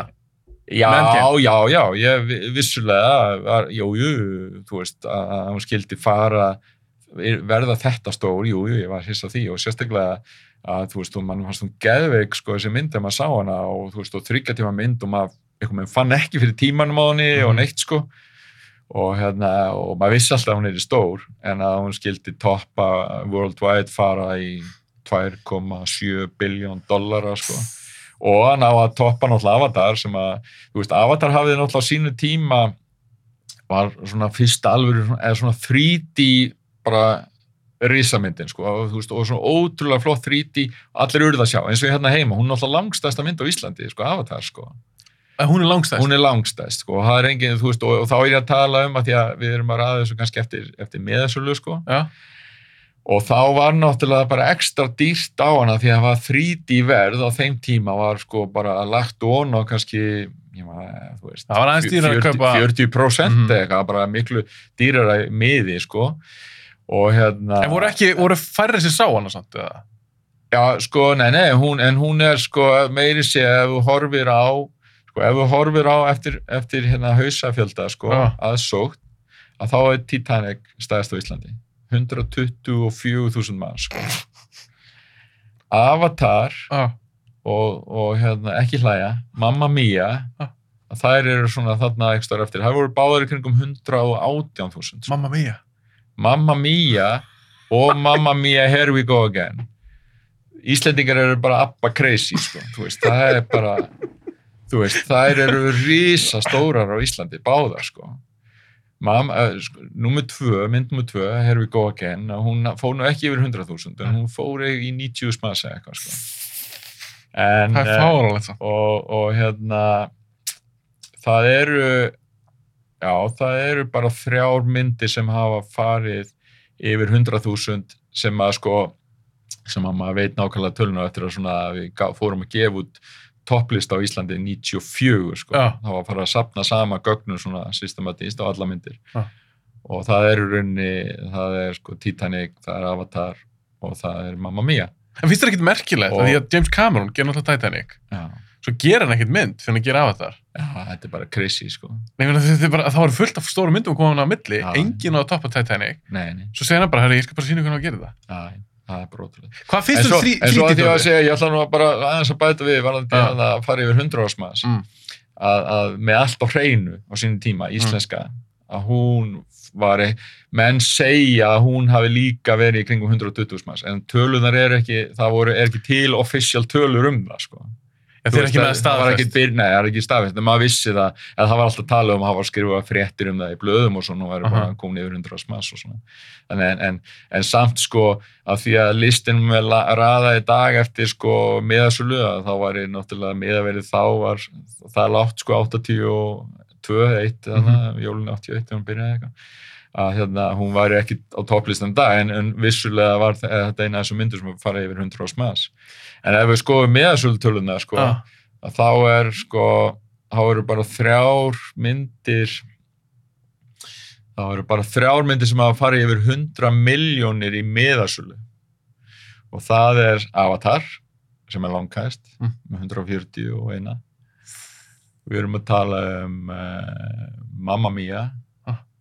Sem að uh, er hérna man, ég man ekki alveg hvað hún var, var, alltaf, var, var yfir 100 og svo er það hérna er það Star Wars uh, Force Awakens Já, hún var reist. hún hún náttúrulega tók 80 var, var á milli 85, eitthvað rúmlega 85 úr smanns og 100 og er með eitthvað 113 miljónir í meðansölu eitthvað svona, sko, því það var líka svona aðeins hæra meðavel út af 3D og svona sem var vinsalt á hana. En ég var að spyrja þessu til 3D, já, af því að Avatar myndið sem segir, hún var í Já. 3D. já, og Hollywood reyndi síðan að gera þetta með fleiri myndum. Að mjög kameróninni ná að selja eitthvað svolítið svona, þú er að sjá hann í 3D Já, mér fannst það mögnu upplöfun en mér fannst Hollywood svolítið eða líka 3D Já, já. þeir fóru að gera þetta, þetta var Já, ekki tekið upp með 3D kameru, Já, þetta var já, gert svona í post. þessu, já, já. hvað finnst þér um þetta, persónulega, 3D, það er gána þessu Jú, mér fannst náttúrulega alveg, þú veist, mann fannst stórkvæmslegt að maður sá Avatar, sko, Mhm. og sá bara, vá, hvað þetta er flott, sko. mm En ég maður reyndar að, því að hún var náttúrulega mjög vinsæl og þegar ég fór á hana henni í bíó, þá lendi ég svolítið framalega í salnu, ég man ekki þetta, þriða, fjóða bekk. Já. Þá er 3D var ekki sérstætt, sko, veist, það er ekki alveg sama hvað þú situr í salnum, sko. En sama, náttúrulega, maður sá auðvitað bara stórkostlega velgerð mynd og þetta var, þú veist, ég meina við vorum að Avatar bara, það fóru bara allir á Avatar, það skipt ekki máli hvort það var 70 ára eða eitthvað. Já. og þú veist, og þetta var ekkit endilega einhverju sem að voru sci-fi fans eða eitthvað svona á svona fantasíu æfindir myndi að hafa áhuga, það er bara urðið að sjá þetta, þetta var bara svo stórkostlega upplifun að sjá þetta svona, þetta var svo flott, sko. Mhm, og svo eins og þú segir, og svo fóru stúdíóin að, að hérna að allir náttúrulega, hei, wow, þeir eru að græða svo mikið pening, við verðum að vera með, sko. Mhm. þú veist, og, og ég maður alltaf, ég held að það hafi verið svona fyrsta myndin, og svo fóru að koma alltaf fleiri 3D myndir og, og teiknimyndina fóru að koma svolítið í 3D að það var svolítið auðvelt að breyta þeim svona í Mhm. 3D, sko. Og ég maður svo á Warner sem kom með, held ég Class of the Titans. Ég er að hugsa um hana mitt og, þeir, og það var mynd sem var ekki tekin upp í 3D en þeir svona breyttu í 3D eftir á eitthvað. Og þetta var svona ah, þú veist, æ, þurftu Mhm. nú að vera þessu sko, og bara skemmti fyrir sko, þannig að fólk fór á það þú veist bara, mm, já, þetta var ekki sérstætt sko. Og þannig náttúrulega bara, þú veist er þetta eins og með allt, eins og bara með óvissu sýningar og annað sem við vorum að tala um hérna áður sko, að þú veist, það er bara allt í henni fyrir allir að gera þetta Mhm, og þá er þetta bara ekki eins spes. Og þú veist, innst inni þá bara bíó ánendur þeir svona nenn ekki öllu í 3D sko, að vera með glerun og svona krakkarnir að sitja í bíó með glerun og alltaf taka niður og þú veist, þetta var bara svona, þú veist, það er gaman að sjá einu og eina svona eitthvað smá upplifun en þegar þetta var orðið eitthvað með allt í 3D, alla stórmyndir bara í 3D, þá var svona var þetta bara fjarað undan þessu. Og, sáuð, og, og í dag náttúrulega erum við ekkert að taka þessar myndir í 3D sko. Ég ætla að spyrja því að þið voru stundum að sína 3D útgáfu kannski í sal 1, Já, svo bara 2D útgáfu í sal 2 já sáuð þið alveg að fólk er ekki nenni 3D Já, og þetta breytist alltaf þannig að því að fyrst ef við fórum að fá þessar myndir í 3D Já. að þá bara tóku við að, þú veist, ok, geggja og hafa bara búið upp á henni 3D og engu öðru og fólk eitthvað með svona nettist bara, að, þú veist, ef við að sjá myndinu og erum bara í 3D, sko. En svo hei, var, var, maður var alveg farin að heyra í svona bíógestunum, sko, heyrði, guys, þú veist, ég nenni ekki þessu 3D enda laust, sko, þú veist, getið ekki verið að koma með það 2D Já. bara, þú veist, búið upp á það líka. Þannig að við fórum að gera það Ah. og fórum að, þú veist, eins og segir, koma einhverja stórmyndir, segjum bara eitthvað Star Wars mynd og, og við urðum svona að bara Disney heimta, þú veist, hún verður að vera í 3D, sko. Já. Geðum ekki 3D, ok. En við sagðum, ok, við verðum líka að bjóða upp á hann í 2D og, og það var ekkert mál, sko. Þannig að, að það var bara sínt eins og sagði, salur 1 3D, salur 2 2D Mhm. og fólk að þá bara vali hvað það vildi frá og svo sá maður svona þegar að, að, að fór bara alltaf að fara stærri og stærri hluti af kökunni á 2D sko. mm. og svo var þetta komið þannig að maður var farin að setja sko 2D myndin í sal 1 og 3D myndin í sal 2 sko. af, Já, því að, það fór maður að færa og svo svona smá, smátt og smátt að, að hérna, þegar aðsóknin á 3D svona minkaði og fólk var bara, þú veist, alveg búin að senda okkur skilabúðin og láta okkur vita um það að, þú veist, ég fíla bara að sjá þetta í 2D, mér finnst það Mhm. bara flott sko. og hérna málið var það að, að það er svo dýrt að, að, að setja 3D að setja íslenskan texta á 3D myndir að setja textan á 3D myndir, það kostaði bara yfir miljón kall sko þannig að þú þurftir og, og þess vegna voru náttúrulega auðvitað stúdíón svo sem kostuðu þetta fyrir okkur Ah. en að móti þurftu við að vera með ákveði álag á 3D, eða 3D verði þurftu að vera ákveði mikið herra til þess að þeir fengju, að því þeir fá prósendur af miðanu, að þeir fengju auka til sín til þess að kosta þetta, hennan kostna við að setja íslenska texta á 3D og svo var það bara orðið, já, svo var það bara orðið þannig að þessi auka, þú veist, maður reiknaði, út, ok, hvað fekk ég marga á myndinni 3D, hvað gaf þetta þeim mikinn pening auka við að sína 3D og hvað kostaði að búa til 3D og það var bara komið í mínus. þú veist, þannig að þá var orðið þannig að maður svona, ok, það borgar sig ekki fyrir okkar litla markað Ísland að Mhm. fara að, að, að, að, að, að setja íslenska texta á 3D-myndir af því að svona 3D hefur minkað svo mikið og fæst yfir 2D og þess vegna endaði að þannig bara við hættu því. Síðasta myndin held ég sem við tókum í 3D var Star Wars uh, um jólin 19 því þá bara vil, vildu við bjóða upp á það og Disney vild, vildi bara bjóða upp á það Mhm. sko. En þú veist, það, hún var náttúrulega bara lítill hluti af, af, af kökunni sko. En eins og Avatar 2, hvað væntingar Já, ertu með til hennar? svo, svo, ég menna kemur ekki óvart að það er ákveðna kröfur um það að hún er síndi 3D sko. ég menna það verður bara mjög aðdeklisvært að sjá þegar hún kemur ég menna auðvitað verður hún hún verður alltaf huge, ég menna hún verður alltaf stór Já. en, en hún verður kannski ekki þú veist að maður geti ekki sagt að hún verður bara jafn stór á fyrirmyndin sko. Mm. en þú veist, ég menna nú náttúrulega er hún að koma hvað, jólinn 22 Mhm. og þá eru liðin 13 ár frá fyrirmyndinni sko. og maður spyr, spyr sig minna hvað er það orðið á langu tími en samt, þú veist, þó að hún myndi ekki taka nema helmingina fyrirmyndinni þá er risa stór samt sko. skilur þú veist, það er bara þannig Já. þannig að, þú veist, og nú eru þeir náttúrulega búin að plana Avatar 2, 3, 4, 5 sko, þú veist, Mhm. og hérna þannig að ég minna auðvitað verður bara mjög aðeinsvægt að sjá hvernig Cameron nær að þróa þessa sögu og þú veist, og hvernig þetta verður þetta hlýtur að skipta rosalega mæklu máli bara, bara sagan og Ég segi líka alltaf, hver er betra að gera framhaldsmyndir en James Cameron? nei, það er ekki margir Og ég held þessi ástæð fyrir það svona langt síðan að heim kom og þeir eru bara búin að vinna í þessu, maður er aðeins búin að fylgjast með. Hann er að setja alltaf mikið púðuleika bara í handrindi. Hann ætlar að gera góða myndir. Já, Ég held að hún verði reysa stór þessu mynd. hún verður alltaf risastór sko, Já. það er alveg klart en maður er hefnd að spá í eins og þetta því að hún var svona mikið fenómeno út á 3D á sín tíma Mm -hmm. þú veist, nú er það kannski ekki endilega málið, sko, en þú veist, en hugsanlega koma menn og segja, þú veist, það er alveg breakthrough 3D í þess að þið verðið að bjóða upp á hann í 3D. Já, já. En í dag eru kannski bíóin hérna heima því að þú þurftir að vera með ákveðna 3D græjur í sölunum og svona og, Mhm. og það var nú á þeim tíma í flestum svona stóru, stóru sölunum, er ekkert endil í dag. En það er svona spurning hvað verður gert fyrir þessa þegar hún kemur.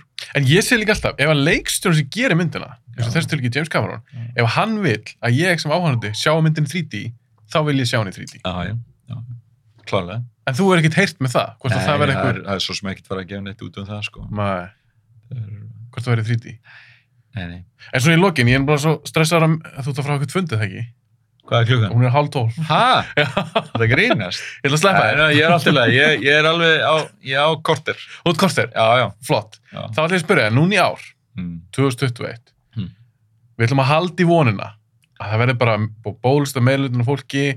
núna í ár, Mm. 2021, við ætlum að halda í vonina að það verði bara bólust að meðlutin fólki og bara 1. júni, 1. júli, þá bara svona back to business, Já, as usual bara. Við erum að vona það. já.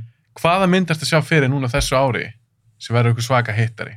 Er það Dune, er það Black Widow, eða Matrix 4? Já, þetta, allar þessar myndir sem við nefnum verða öruglega stórar. Ég, Mhm. hérna, ég er náttúrulega mjög spenntur að sjá hvernig Dune kemur út, sko. Mm -hmm. Uh, og líka svona, auðvitað, Matrix, já, verður frólægt að sjá hvernig það verður. Ég meina, ég meina, mannum hans fyrsta myndin náttúrulega var, var geggjuð, sko. Mistarvar. og hérna, það var eina af þessum myndin til dæmis sem við tókum sko á pröfusýningu í, í, í bíóborginni klukkan við byrjum klukkan hálf tvö um nóttina sko Já. þá tókum við sýningu og, og horfðum að hana, ég man alltaf þú veist, þegar við löpum út úr út úr bíónu Mm. á snorabröðinni og sólinn að koma upp sko og maður var bara, þú veist, þetta og það hefði bara upplifað eitthvað bara eitthvað geggjað nýtt sko, þú veist, og maður bara, vá, þú veist, þessu átti ég ekki vona á sko Vissur hún er stór? Þú búin að sjá hana? En, já, ég, ég vissi hún eru stór en Ah. ekki það, einn stór hún var það ég meina þetta var mynd sem að gerði þú veist, 40 manns á Íslandi sko. og hérna Það kom óvart, eða svona einhver leiti. já, já, já, vissulega og, og kom alveg ávart og, og hérna, en, en, en svo, var, svo kom náttúrulega Matrix 2 Mm -hmm. Og hún var starri sko, því að náttúrulega voru allir bara svo spenntir eftir fyrstu myndina, en svo var hún ekki alveg eins góð sko En hérna, en það var einhvern gaman að, að að ég fór um þetta frumsýningu á Matrix 2 í Cannes, á kveikmyndaháttin í Cannes, Ja. þegar hún kom, sko. Og hérna, á mikið húlumhæ og, og fjör, sko. Og svona gaman að upplefa það. Og hérna... En þriðja, hvernig gekk, gekk henni? En svo kom þriðja og það var aðeins svona hrundi, sko. Já, já. alveg bara, alveg hrundi, sko. Fólk var fyrir vonbrum Já, algjörlega. Mhm. Og hérna, þannig að það verður frólt að sjá hvernig fjögur verður, hvernig ná, hvort þið ná að rífa þetta upp. En ef þú nefnir svona myndir þessa ári, auðvitað er maður, þú veist, maður er búin að býja spennt fyrir Black Widow nú lengi og nú er hún loksins komin, hann að Mhm. kemur í júli. Uh, Hvernig Það- gekk Wonder Woman hjá okkur? uh, fyrsta gerði rosa vel sko mynd nummer tvö náttúrulega sem kom um jólin og við máttum bara selja 50 manns í bíó sko en, en var rauninni eina myndin, stóra myndin sem var á jólin, það var ekkert annað, ég menn ég held ég að við sínt hana þegar hún frumsýndi og síndi henni 25 sölum sko, bara til þess að að því, við, að því við máttum bara selja 50 sæti og í sumarsali bara 15 sæti og Já. þú veist þess að nánu þannig að að Wonder Woman 2 sem var náttúrulega vissulega vonbriði, svo mynd en, en sko hún gerði samt svona í á COVID ástandi að, hérna bara, ég held hún að enda í 17 manns eða eitthvað sko sem var bara mjög gott sko Já. og hérna, veist, við höfðum ekki fengið, veist, bara á þessum COVID tíma var það bara Tenet Mhm. og Wonder Woman sem voru svona virkilega stóru myndina Já. sem komu í bíó og allt, Mhm. öllu hinnu var fresta þannig að hérna Ég var bara að velta fyrir mig sko að því að Hollywood hefur talað um eins og sé eitthvað stressar um að hafa konu í aðraftíki svona ofurðumyndum. Já. Ég held að sé kjafta. Hvað var með- algjörlega. mynd? Já, nákvæmlega. Og það var það sem gerðist með Wonder Woman, alltaf nummer eitt. Fyrstu? Fyrsta myndin, hún opnaði ekkert eitthvað risa stórt, en svo bara spurðist hún út og hún Mhm. gekk og gekk og gekk, sko. Mhm. Gerði svaka vel, sko. Ég held að Black Widow Og hérna, svo, svo náttúrulega, þú veist, það verður alveg svolítið setni sluti ásins þegar all, alla myndina har að koma, það verður alveg mjög mikið úrval í bíó, sko. Gekka. Ég laka að, til. fullt að, að verður fullt að gerast ég meina, við erum loksins að fá hann að þú veist, uh, Jungle Cruise hana með, sem áttan alltaf koma síðan sumar með, hana, með rock og, og Mhm. þeim sem verður svona ævintýra fílingur í henni hún áttur að gera mjög vel líka Mhm. þú veist, ég meina nýja Suicide Squad sem að allavega trailerinn lofa góðu sem alltaf James Gunn að gera hana og veist, er að sjá hann, hann er bara snillingur eftir að, Mhm. þú veist, ég meina það sem að séð frá hann hinga til Já. þú veist, múið svo verður gaman að sjá þess að Marvel mynd hana Shang-Chi, hvernig verður það sko Já. þú veist, hún er, að er koma, í- er að september og svo náttúrulega Dune, eins og segir, og svo loksins fá að sjá Bond og svo náttúrulega kemur, gleymum ekki Tom Cruise og Top Gun, sko, ha, í november Ertu spenntið fyrir henni? Næ, ég segi, ég, ég er persónulega ekki spenntast fyrir henni, ég veit að hún verður stór, sko En hvað myndir Ha, þú persónulega ég, spenntið en, fyrir? en sko, þú veist ég er búin að sjá hana, en ég má ekki segja frá því en ekki, þú veist, þú er að klippa út, sko en það? já, en ég má ekki tala um það Ok. en hérna nei, en, en svo mynd, Já. að, þú veist, það bara það er eins og allt sem, sem krúsarnir gerir, sko, Mhm. þú veist það sem hann leggur í þessa myndir að, og, og, og, sko, hann er svo mikið perfektionisti og allt, sko, sem hann gerir, sko Mhm. Að, að þú veist, hún er bara alfellega skemmtilega Ég ætla að spyrja aðeins út kannski eftir ef við erum búin að taka upp. Já. Ég veit, þú mátt ekki tala mikið, ég er ekki verið að spyrja um innihaldi. Nei. En þú persónulega, mm. hvað myndir þú spenntast að sjá sem þú ert ekki búin að sjá? Sem kjóra á þessu ári. Já, múttu velja eina Sko, mynd. náttúrulega, það er náttúrulega glata, sko, ég á erfitt með að nefna eina mynd og, og það er náttúrulega alveg glata að nefna eina mynd, sko, sem að, ég sem dreifingaræðileg sé ekki um, sko, vegna sem ég er svo mikið bondmaður, sko, ég, hlakka- Já, svo til að sé bond og, veist, og myndtón sér um þá dreifingu, ok, hún verður sínt í okkar bíóm og allt það, Mhm. en ég hlakka ógislega til að sjá hana og þú veist, ég er búin að hlakka til svo lengi, það er alltaf að vera frestinni, Finnst þið að- bóndmyndunar góðar? finnst mér, já, já, það? ég elska. Fannst þið spektur góð og svona? Spektri var, já, já, mér varst, ég, jú, jú, mér varst nú góð, sko, Já. ok, þú veist, en mér varst, þú veist, er að, að, að mér finnst þannig að Daniel Craig búin að gera mjög vel að rífa þetta upp, en auðvitað veit ég, þú veist, auðvitað held ég rosa mikið upp á Connery, Bond og þessu gamlu Bond, það er bara því að maður ólst upp við það, sko, Mhm. en mér finnst bara eitthvað með Bond alltaf svo skemmtilegu, sko, ég hef gaman að þeim öllum, sko, þú veist, það skiptir ekki það þig. er Roger Moore eða Mhm. hver, ég er bara eitthvað með maður elskar þessa myndir og þú veist, alveg séð, þú veist, ég er rosa hef rosa gaman að öllum svona heimstyrildar svona sti, hana, stríðsmyndum, World War II myndum og þú veist, ég elskaði þú veist, hérna, Great Escape og þú veist, Kelly's Mhm. og, og hérna, þú veist, Dusty Dawson og þessa myndir, sko, með þú veist, þetta, þarna er ég náttúrulega bara unlingur og Já. er að sjá það, sko og í minningunni, þetta er alltaf þú veist, alltaf með mínum uppáhaldsmyndu, sko Áttu svo ykkur eina uppbóðsmynd? sko Já, alveg nokkrar. Einn Ah. sem með þykir ógeðslega væntum er náttúrulega, er, er, náttúrulega að segja, kannski af því að tengismannu svolítið, að, að það er Cinema Paradiso, sko. Af því ég sé alltaf, þetta er svolítið svona pappi, síningamæðurinn, sko, var alla sína æfi og ég guttinn í bíónu, sko, var alltaf með honum í Mhm. kringum þetta og þetta er svona, þú veist, mann fannst bara stundu, þetta er bara skrifað um bara, þetta er bara eins og lífið maður, Þetta er svo personal thinking. þetta var svo persónuleg tenging hann, veist, og ég, mér- hún er alltaf nála þjárstæð mín, svo mynd, sko. Mm En þú veist, svo eru, er maður með myndir sem að maður, maður hérna, þú veist, getur hort á aftur og aftur, sko. Mhm. Þú veist, ég meina, ég elska, þú veist, Forrest Gump, you know, Shawshank Redemption og þessar Mhm. myndir, ég get alltaf reglulega hort á. Og þú veist, ég meina, Godfire, ég tók núna um bara páskan að horfa allar Godfire myndirnir eftir og þú veist, Hvað er best?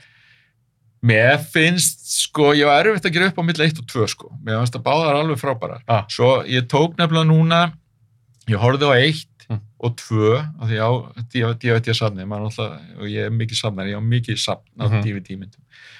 Og, en svo tók ég þessa ný, þetta nýja klippi á þrjú, þetta sem við gáfu út þarna Cobra, eh, já, það það var svona nýtt Er klipp þetta ekki bara. Coppola cut eða eitthvað? Jú, Coppola það gerði þetta sjálfur, já? Jú, gerði þetta sjálfur, en svo var nýtt gött að þannig ég tók eitt og tvö og tók svo þetta nýja klippið þessu, Mm. sko, sjá ég sá svo sem að það var ekki mikil breyting á því, sko, Nei. en samt svona en, en bara svo mynd, af því hún var nú aldrei alltaf talin um svona að vera langt lilljust en alls ekki lilli mynd, sko Nei, hún er mjög fín, en Já. hún er alltaf að vera að keppa við svo svaka keppa myndir. Tvær og var náttúrulega alveg ótrúlegt að eins og Godfather 1 var náttúrulega hrikalega góð að hann skulle hafa komið með tveimur ára setna nummer 2 og bara þú veist, framhalsmynd að þessu og bara geggja það mynd aftur sko, bara þú veist bara ótrúlegt sko En mér finnst bara sérst erfitt að toppa branduði fyrst. já, Ég saknaði hans hann- pínulítið, já, sko. já, já, já, hann er, hann er náttúrulega alveg, alveg geggjaður í því sko Herru, ég held ég þurfa að fara að sleppa þér, já, en veist, þetta var svo geðað gaman, ég hef verið til að tala við í þrjá Já, ég bara, ég held að, þú veist, ég, ég held við værum nú bara góðið við náðum klukkutíma, en ég get alveg sittið hérna, bara ég er kannski bara á fresti sem fundi síðan að fara á eitthvað. En ég verð bara að fá þið aftur. Já, já, það er bara alltaf til í það. Er það ekki? Því að við erum ekkert búin að koma almenna inn á bara svona þinn áhuga á kveimundum og svona. Já, Eitthvað sem tölum meira um bransa núna. Þetta er búin að hrikala skemmtilegt. já, bara takk fyrir það, virkilega gaman að koma. Já, bara takk hérlega fyrir að koma. Já, elska þetta bíóblæða. takk fyrir það. Já, takk.